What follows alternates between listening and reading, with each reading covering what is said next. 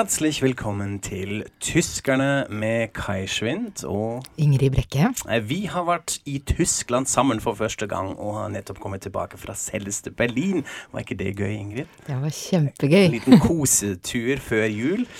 Eh, en av de ting jeg savner mest i Norge, er jo den urbane frokostkulturen i Berlin. Så den har vi fråtset i med en gigantisk eh, frokost. Vi har til og med tatt bilde av det, som man nå kan se på, på Facebook-siden vår. Men i dag er vi så heldige å ha en gjest igjen, og ikke hvilken som helst gjest, men en ekte venn av podkasten vår. Ebba Drolshagen, velkommen skal du være. Hallo, takk for invitasjonen. Yes, hjertelig velkommen. Eh, Ebba er forfatter og oversetter, eh, så det skal vi snakke en del om, ikke minst i vår ordspalte. Eh, og siden vi har en ekte oversetter som gjest, så blir det en litt utvidret spalte denne gangen. Men først, ja, man lurer kanskje på hvorfor snakker du egentlig norsk? Hva er din tilknytning til Norge? Min tilknytning er min mor. min mor er norsk, det vil si hun var norsk. Og eh, jeg eh, er født i Tyskland, men så kom jeg til Norge da jeg var ett år gammel fordi min far døde. Og så tok min mor sin datter og reiste til Ålesund. Så Ålesunds, eller Giskegate-Ålesund, så var den første språk jeg lærte. Før norsk og lenge før tysk. Eh, da du først begynte å komme til Norge, var kanskje krigen fortsatt et stort tema. Eh, kan du si litt om hvordan det var, og når sluttet det å være vanskelig å være tysk i Norge? Ja, altså når du mener når jeg først kom, da var det jo ikke da jeg var barn. Ja. Em, da var det kanskje vanskelig, fordi eh, jeg var jo tysk borger, min mor var tysk statsborger, men det vet jeg ingenting om. Em, da jeg kom tilbake som, får vi si, mer eller mindre voksen, da var jeg mm, sen tenåring, tidlig tyveåring, og da var det egentlig ingen tema. Krigen var absolutt ingen tema, men jeg skjønte Når var dette i årstall? det var eh, sånn sier vi eh, midt 60-åra Ja, mm. og eh, utover det. Ja. Um, men um, jeg skjønte jo ikke at folk var høflige. At de ikke snakket, at de ikke nevnte krigen. Å, ja. At de ikke snakket om krigen med meg. Um, så det tok jeg var faktisk uh, kanskje 35 før jeg skjønte at uh, krigsfortellingen i Norge, og det jeg hørte i Tyskland om krigen i Norge, det var som om det skjedde på to forskjellige planeter. Og der begynte jeg å lure litt. Og dette har du skrevet bøker om også? Ja, det ble tre bøker av denne luringen. Ja. Men det er, eh, syns, vil du si at dette er fortsatt vanskelig i dag, i anførselstegn, av den ulike fortellingen man har hatt om det, eller har vi kommet litt nærmere nå, begge land, at vi snakker om det samme? Nei. Nei, ok. Nei, unnskyld. Det er bare- er en helt klar nei. Ja, ja. Um, I Tyskland snakker man overhodet ikke om Norge, som for Norge er, tror jeg, litt sårende. Men eh, det er ikke mange igjen i Tyskland som egentlig vet at uh, Deutsche Wehrmacht var fem år her. Så det, eh, det er ikke merkelig, men det er merkelig for alle nordmenn å høre. Mens eh, man i Norge er jo fremdeles veldig opptatt av disse fem åra, og så veldig opptatt av å tolke hva som egentlig skjedde. Og hva som ikke skjedde, og eh, hvordan man skal fortelle det, og hvem skal få lov å fortelle det, osv. Men det skal vi ikke gå inn på nærmere i dag. Ja, det, er kanskje litt eh, for stor plass. Eh, men det er også andre ting man kan snakke om. Eh, og hva føler du er det man er mest interessert i? Altså i begge land, egentlig. Hva lurer tyskerne mest på om Norge, og hva lurer nordmenn mest på om Tyskland? Ja, jeg vet ikke om tyskerne virkelig lurer om Norge, men de har jo sine faste forestillinger. Altså når jeg sier at jeg eh, reiser til Norge, eller jeg arbeider med Norge, jeg har skrevet om Norge, så er det det egentlig jeg hører mest, er 'Å, det er Jeg har så lyst til å reise med denne båten, hva er det den heter?' Eller eh, 'Min bestemor var med denne båten', eller eh, 'Min ektefelle skal gi meg en båttur til jul'. Så eh, Hurtigruta er blitt blitt ganske nesten synonymt med Norge. Og det eh, Jeg vet ikke om alle nordmenn er så glad å høre det, men det er altså iallfall den reaksjonen jeg får. Ja, men det kan jeg bare si, at i de to årene jeg bodde i Berlin og var korrespondent for Aftenposten, så var jeg så lei av å høre dette postskift, da, som de kaller Hurtigruta, at jeg nesten ikke klarte å holde maska når folk begynte å trekke den fram. Det må jeg bare Ja. innrømme, altså. Ja, så alle det, Norge skal jo ha en new branding. Um, og skal ikke være natur og ikke være hurtigruta lenger, men kultur og mat og alt mulig. Så der har vi en lang vei. Mm. Jeg har jo en egen hypotese med, dette, med denne fascinasjonen, at det er en slags idealisering som tyskerne eh, gjør. At man projiserer masse av dette. Jeg er uskyldige. Ah, Norge så vakkert, og fjord, og så fa faen vi med en postskiff an der kyste. Altså, det er noe der som mange ikke gjør, egentlig, fordi det er for dyrt. Eh, så man tar ikke den turen, men man projiserer og idealiserer det rundt det. Ja, og så er det også det at man skal gå tur i Norge. Og det merkelige er, når du kommer tilbake fra uh, Toskana for eksempel, og så sier du vi var underveis tre dager og vi traff ingen. Det, det betyr at du hadde en virkelig forferdelig ferie. det må ha vært grusomt. Tre dager Toskana uten et menneske. Men når du kommer til Norge og sier vi hadde tre dager på fjell og vi traff ingen der, det er virkelig Det var Norge. Så da er man lykkelig. Mm, ja. Og det er, virkelig, det er veldig interessant hva du sier nå, fordi da har man kanskje en sånn presisering av dette med friluftsliv, som, kanskje, som er jo også et sånn norsk konsept, men eh, som er ikke det samme når man snakker om friluftsliv i Tyskland, fordi det handler nettopp om det er deg alene i villmarken, eller hvor det nå er. Så var det en annen ting som jeg eh, var noe av det første jeg opplevde, eller heldigvis ikke, men ble møtt med når jeg kom til Norge.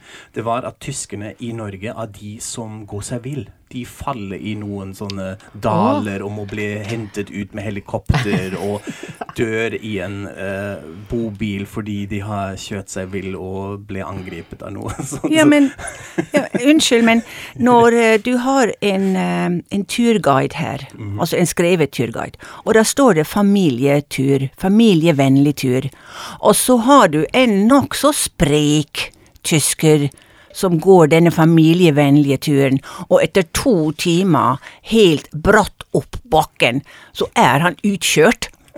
Det er ikke det vi kaller for familievennlig i Tyskland, unnskyld. Ja, det, det, det er helt sant. Nei, men det er jo noe med det der at eh, det man kaller å gå på tur i Tyskland, det er jo noe sånn slags sivilisert uh, spaser, spasering. Så jeg, hadde, jeg har jo en sånn episode som jeg syns eh, Da jeg var i Berlin, og så skulle jeg dra på Teufelsberg, som er en sånn haug langt ute i Grunewald, hvor de hadde en sånn radarsystem og sånn oppå som jeg skulle dra og se på det. Så jeg sykla av gårde, da, og så kommer jeg til bunnen av denne haugen, og så ser jeg det går en sånn sti opp igjennom, tenker jeg. Ja, jeg sleper da sykkelen opp denne stien, og det er svett og varm og tar veldig lang tid og sånn. Tenker jeg, ja, dette er skikkelig tur. Og så kommer jeg opp på toppen, og der er det selvfølgelig fra andre sida en kjempe bilvei, og øverst, og så selger man øl og pølser, og ja. Og da lærte jeg det. Det fins ikke sånne steder, egentlig, i Ja, Tyskland. Men altså, jeg tror gans, det finnes jo mange Nå er nordmenn blitt var at det du sier, at eh, turister går seg vill og ehm, Men se på operahuset. Det ville ikke vært mulig å bygge noe sånt i Tyskland, for det er altfor farlig. Oh, ja. Ja, Nordmenn er vant å gå i naturen og passe på hva, hva de gjør med sine føtter og sånn. Men i Tyskland ville det jo ikke ha vært lov å bygge det. Det ville vært helt utelukket. Også en forskjell med f.eks. barnehager. Når man ser disse små tasser her i, i Norge som går ut, uh, selv om det er minus 15, eller jeg tror grensen ligger hos rundt minus 10, og da har man i Tyskland for lenge siden ikke turt å slippe dem ut. sånn. Ville gå til advokat om du slipper Ja. barn ut med null grader. Absolutt. Her blir du abgehärtet, for å Ja. bruke et fint uh, tysk ord. Ja, og, og skape en nordmann. Ja, absolutt. Ja. Men vi ser jo du er veldig kjent med alle mulige om områder av ja, hva, den offentlige sfæren i Norge. Du har jo til og med skrevet en faktisk bruksanvisning, Boka di Gebrauchsanweisung für Norwegen. Eh, den kom ut noen år siden. Nå holder du med å oppdatere den. Ja. Det er en del av en hel serie, ikke sant? Det er en serie som heter Gebrauchsanweisung für. Mhm. Og det begynte egentlig med en Gebrauchsanweisung for Amerika, Ok. som var skrevet av Vatslavik. Eh, og den ble en så stor suksess at Pipe forlag tenkte ja, tar vi en til og en til og en til og en til, og nå har de, jeg vet ikke, 60-80-100 titler, jeg aner ikke. Men min har vært eh, Ja, det har vært i ti år, og den har eh, Den mange antagelig venner. best solgte bok om eh, Norge siden krigen i Tyskland. Ja, jeg tror det. Ja, det er jo ikke Jeg dårlig. tror Nei, det. jeg- det er jo en utrolig flott serie. Jeg har jo jeg har lest Polen og Romania, da, i tillegg til at jeg også har lest eh, Norge. Så det er virkelig noe spesielt. Men det er jo litt kult også at man får mulighet til å oppdatere den. Altså at man, Ja. den gis ut eh, Ja, i- på ja. nytt. Hva jobber du mest med? Hva slags kapittel Du, må du jeg jobbe ser med mest? på hvert eneste setning, og jeg ser på hver eneste tall, selvfølgelig. Um, det skal ikke være dagsaktuell, men det skal jo selvfølgelig uh, ikke stå tall der som er utdatert for fem, seks, syv år siden. Så uh, det er litt vanskelig å vurdere hvor jeg skal virkelig ta et nytt tall, eller hvor jeg ikke skal, eller skal slette tall. Eh, fordi den skal jo nå holde i to, kanskje tre år fremover. Så man, man skriver ikke om dagsaktuell politikk, f.eks., men man forklarer kanskje partilandskapet litt? Eller Altså, jeg har finnes. oppdatert den uh, politiske delen, og da var jeg uh, Da var jeg veldig i tvil hva jeg skulle gjøre, for vi har jo fru Solberg og den Kristelig Folkeparti, og da var det litt uklart hva som kommer til å skje, og da visste jeg ikke hva jeg skulle gjøre. Em, så nå, gudskjelov, det er forbi. Absolutt. Ok. Men hva har du jobbet minst med? Hvilke kapitler?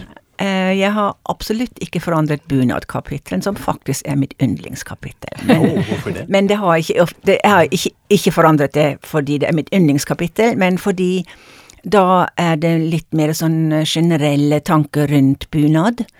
Em, som ikke, ikke er aktuell å forandre. Det forandrer seg ikke, Ja. det som jeg har skrevet der. Og det er ja, det, det sa vi neste gang når jeg kommer som på besøk, bunaden, men eh, det eneste jeg gjerne vil si er at jeg tror nordmenn aner ikke at de er enestående i verden med denne bunadfenomenen. Det er utrolig hva som skjer med bunad her, og det finnes, så vidt jeg vet, ingen andre land kloden rundt hvor man har det samme fenomenet.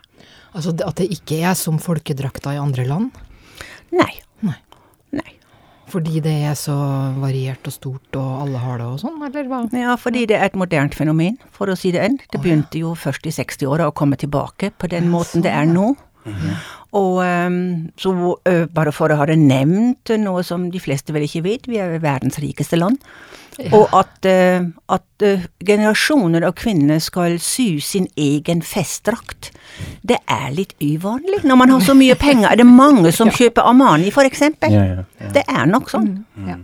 Ja, det er veldig interessant hvor, hvor mye penger man bruker på det på den andre siden, men at man da går på den nasjonalromantiske Ja. tilnærmingen. ja, det er veldig interessant. Det er, en, eh, det er et stort tema. Altså, når jeg i mitt gamle alder skal begynne å skrive doktoravhandling, da blir det om dette. Ok, kult. Ja, det er noe som Også kanskje fordi man er litt skeptisk i Tyskland mot dette generelt. Altså, man har jo folkedrakt i ulike deler, men man har en sånn kanskje mer grunnleggende skepsis mot det. I hvert fall en yngre generasjon. Ja, ser du det i Frankrike eller Italia annerledes? Ja, ja. ja der, ja. Også. Nei, da har man også skepsis. Ikke sant? si. Så Ja. det, er, det er virkelig enestående for Ja, ja, Norge. Ja, absolutt. Interessant. Kult. Da må vi lese mer Ikke bra som vei som for Norge. Ja, skal vi da ta uh, turen over til vår språk, uh, utvidede språkspalte? For vi er jo veldig glad i språk her, så akkurat sånn som du er, Ba. Og ikke minst disse språklige forskjellene vi har mellom tysk og norsk. Og jeg har jo eh, helt siden jeg begynte å snakke tysk, som var ganske lenge etter jeg begynte å lese tysk, eh, syns det har vært så gøy med dette med do und si. Altså når er man høflig, og når er man eh, personlig. Og det er veldig vanskelig å navigere i dette landskapet for en nordmann. Eh, men jeg syns jo egentlig det ser ut som det begynner å bli stadig vanskeligere for eh, tyskerne også. Vi hadde nettopp en, en episode som kanskje illustrerer noe av dette. Um, under en politisk debatt i talkshowet Anne Will, så plutselig begynte to politikere å si du til hverandre. Og det pleier de ikke å gjøre. De er ofte dus bak scenen, scenen, men under liksom sendingene og på TV-skjermen, da har man liksom en slags underforstått enighet om at nå er man sier man si, uansett, hva man, uh, uansett om man er dus ellers, da. Men da sa plutselig uh, Christian Lindner, uh, leder for Fridemokratene, do til Robert Habeck, leder for De Grønne. Og så ble Habeck med på leken, da. Og eh, Ditt Site f.eks. skrev en opprørt liten spalte om dette, hvor de mente at dette burde Habeck ha holdt seg for god til å kaste seg med på og at det er et kjempeproblem når man begynner å bruke do, fordi at det, da gjør man det store eh, lite og det lille stort. Og her var det jo eh, Lintner fra det lille partiet som prøvde på en måte å likestille seg selv med den enorme suksessen De Grønne har, da eh, kunne man tolke det som. Jeg syns at sånt er bare kjempegøy. Men hva tenker du, Ebba? Stemmer det at det er en slags forandring på gang i, i hvordan man bruker do og zi? Absolutt. Absolutt. Altså, jeg er jo den generasjonen som begynte med dette at vi skulle ha mer dus. Og før i tida, og jeg husker da jeg var ung, så det er en tid siden det, eh, da var det en stor ting å skifte fra si til du. Altså det var offisiell, og så vi hadde også et sånt ritual at man måtte holde et glass, og så måtte man gjøre ting med arm, som man oh, vet ja. ikke hvor man kan forklare det. Um, og så Det var veldig høytidelig. Mm. Um, I dag gjør man det bare sånn Jeg er Ebba. Uh, ja, sånn. Uh, men ikke bare nok med det. Det er uh, det er ofte sånn at jeg kommer i et kafé, og så er det altså ungdomskafé, altså det vil si menneske i 20-25-årsalderen, og, og, så sier du 'hva vilsten du ha så da er det av og til litt vanskelig for meg å følge med, så sier jeg 'gib me en kaffe'.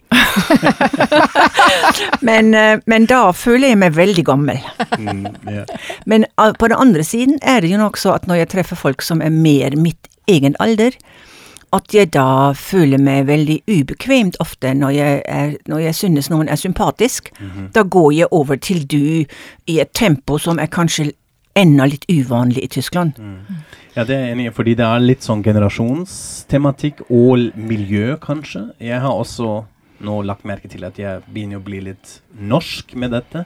At jeg dutser uh, dose mye lettere når jeg er i Tyskland. Og så tenker jeg litt sånn noen sekunder etter Oi, dette hadde jeg egentlig ikke gjort vanligvis. Av og til blir det også litt sånn ja, ser det blir litt rar stemning. Man, man, det er jo dette som nordmenn syns er så fascinerende. Ja. At man da var disse tyskerne Når man har rotet seg bort i ja. det do, og, men man skulle ikke ha gjort det, og så er det pinlig. Og en helt sånn egen form for pinlighet rundt det der. Og det er jo bare teit, egentlig. Men jeg må også si, kanskje fordi jeg blir litt eldre, av og til er det fint å ha denne siden. Uh, for å markere ja, hva hm, er litt mer komplisert. Men det er jo fint at det er forskjell på, på folk og situasjoner, tenker jeg. Altså, jeg liker det jo kjempegodt, da. Mm. Så jeg kan jo bli litt sånn skuffa når jeg, sånn som nå når jeg var i Berlin sist, og så henger litt rundt i Prenzlauer Berg, og hvor de skal være så hippe og sånn.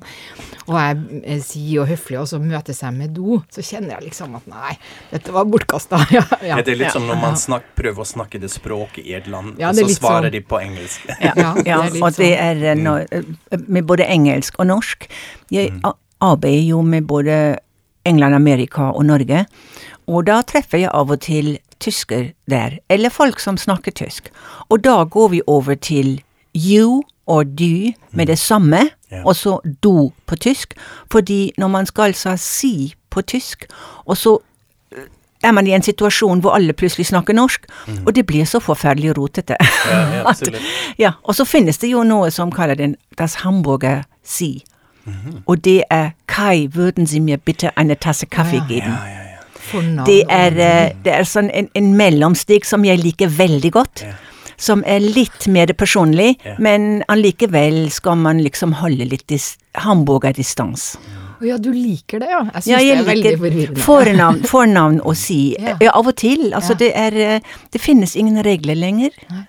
Jeg husker bare min, min uh, første gang det gikk opp for meg hvor komplisert dette er også for tyskere. Det var når jeg møtte en professor som fortalte meg at de hadde hatt nettopp en amerikaner på besøk på instituttet. Og alle skal liksom være litt kule, og så sier de you, og så går de over til do, og så reiser amerikaneren hjem etter et år, og så er alt kaos, og ingen vet hvor de er, og, og husker hvor de var, og ja. Nei, så det, dette Ja. er ikke Vi trenger USA. Men, men det, de blir faktisk også vanskelig i Tyskland, når amerikanerne kommer og alle sier you. Ja. Og så begynner man også med fornavn. Men som du sier, så går amerikanerne hjem, man bytter igjen til 'guten tag, Frau Meier'. Da man etter man sa 'Sabine do' mm.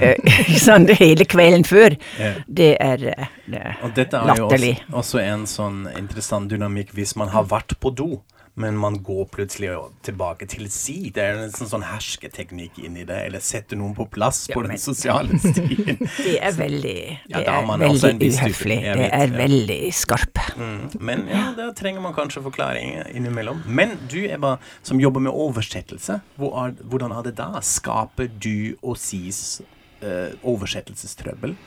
Og ja, det skaper stadig vekk oversettelsestrøbbel, fordi eh, altså når går du over fra Når du for eksempel altså du, du har en romansituasjon hvor noen kommer til lege, og det vil jo være aldeles umulig i Tyskland å si eh, Hør mal, ich brauch en resept. Jeg skal ha Så da må du ha en si.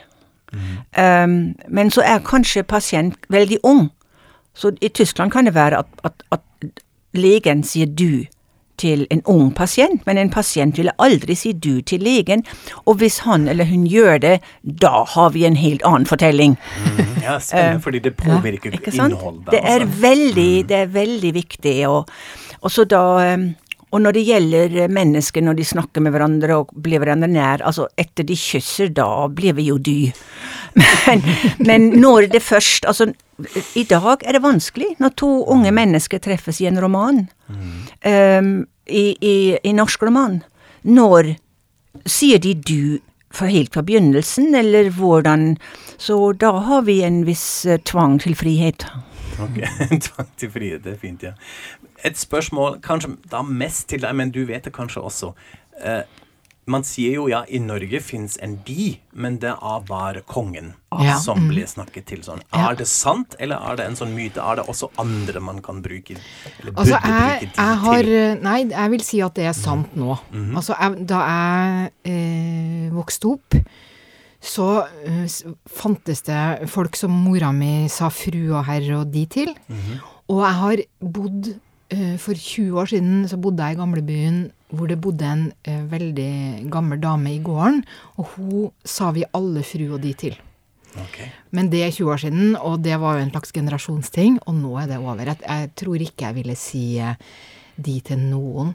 Men det er jo litt sånn at det er mange jeg ikke ville føle det naturlig å være på fornavn med, Mm, ja. også i Norge. Og det er jo sånn som eh, på et vis henger litt grann sammen. At det er kanskje siste resten vi har igjen av sånn avstandsmarkering, da. Og så er det jo av og til også uh, en journalist som gjør en faux pas uh, når, når man sier du til Mette-Marit i et intervju og sånn, så Mm. da blir det jo også påpekt uh, rundt omkring.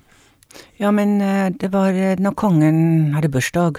Han har jo stadig vekk bursdag, men altså, så får han, så får han bursdagshilsen fra folket, og da er det mer enn halvparten som sier du. Ja, nettopp, ja. Ok. Altså, jeg har lest meg gjennom en del av disse hilsene, og, Ja.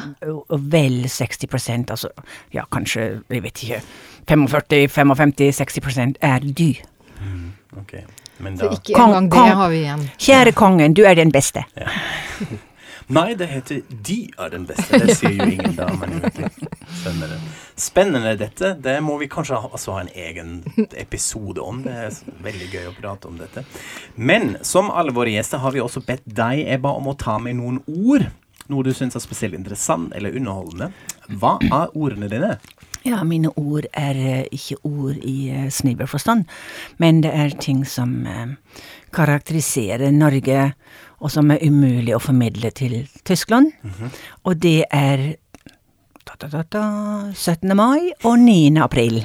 Ah, to datoer, altså. Ja, okay. mm -hmm. det er dato. Fordi um, altså det er veldig Norge, når du sier 17. mai eller 9. april i Norge, er det omtrent alle som forbinder noe med dette. Alle som har et bilde eller en historie eller følelse eller noe sånt. Altså det er Og i Tyskland, det ene er at vi har ingen dato som man kunne sammenligne med dette. Altså det finnes ikke ett dato, eller to i dette tilfellet i Norge, som er like betydningsladen, om man kan si det på norsk, som det er i Norge. Og så når jeg skal skrive om Norge, eller oversette fra norsk til tysk, da er det alltid katastrofe når en av disse to datoer dukker opp. Fordi eh, det er Du har så mange følelser og bilder og Altså, når noen sier at eh, det var en 17. mai-tog eh, med fem mennesker på bygd, da er det alle vet helt nøyaktig hva det er i Norge. Og i Tyskland, hvordan skal du forklare dette? Hvordan skal du forklare at det er hjertevarmende og litt sånn merkelig og søt og ikke sant, og stolt. Men hva, hvordan gjør du det? Bruk, må man bruke fotnote, da? Eller hva, hva, Ja, Fotnote vil man helst ikke ha i en roman. Det er veldig Altså, det kan, hvis det må absolutt være, kan man ha noen anmerkungen i slutten av boken. Ja. At man da forklarer det. Men uh, det er uh, hver eneste gang en utfordring, for å si det sånn. Ja.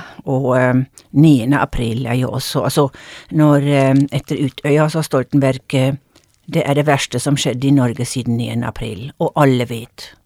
Og i Ja. Tyskland vet ingen. Ja, det er vanskelig også fordi det har et slags fellesskapsfunksjon, disse datoene. Eller de, de antyder dette, hvor vi kanskje ikke har det på samme måten i Tyskland. Man kan jo si f.eks. en dato som 9. november er også følelseslatt, og det er masse rundt, men da er det så mye som skjedde på samme dagen, og uh, det skaper kanskje mer en distanse. Ja, eh, for det er krystallnatten, og det er murens fall, og det er putsch mot Hitler, Ja. og ja. Det er jo et sånt skiksalstak, som Ja, man kaller ja. dette. uh, men det har ikke, det, det er enig det har ikke den samme følelsesmessige funksjonen som disse datoene. Absolutt ikke. Ja. Og jeg tror faktisk at halvparten av tyskerne ikke ville komme på 9. november hvis man spurte dem om det var et spesiell dato i tysk historie som var spesielt viktig. Mens eh, i Norge er det jo helt klart, helt opplagt hva man kommer til å svare på det. Ja. Altså det er identitetsstiftende, disse to datoer. ja, det er det. Og da har man en sånn forskjell, og så blir det da typisk uh, norsk. 3. oktober er jo ikke det samme ennå, kanskje, i Tyskland. At man, Nei. eh, Det blir det aldri. nei, og det blir det kanskje aldri. Det blir det aldri. Mm. Nei, det er jo en dag som For det er gjenforeningsdagen. Ja. Eh, må nei, det er jo en dag som, som Det som alltid overrasker meg med den dagen, det er jo at eh, jeg føler at halvparten av tyskerne bruker dagen til å diskutere om man skal ha den dagen eller ikke. Ja. Så jeg vil jo ikke kalle det spesielt eh, identitetsskapende. Ja, ja. Ja, man skulle ha 9. november, men den er så umulig å definere. Ja. Så da. Ja, da er det på tide å runde av igjen. Så vi minner om eh, vår Facebook-side, Tyskerne. Se en gang til på det fine bildet av meg og Kai som spiser frokost, og lengt litt til eh, Berlin og Tyskland. Eh, Det kommer også mye annet artig der, og som vanlig, vi blir kjempeglad for sånne stjerner og anmeldelser og delinger av alt mulig. Vi takker for oppmerksomheten, og tusen takk igjen til deg, Ebba. Mange Auf, tusen takk. auf Wiederhören. Auf Wiederhören. Auf Wiederhören.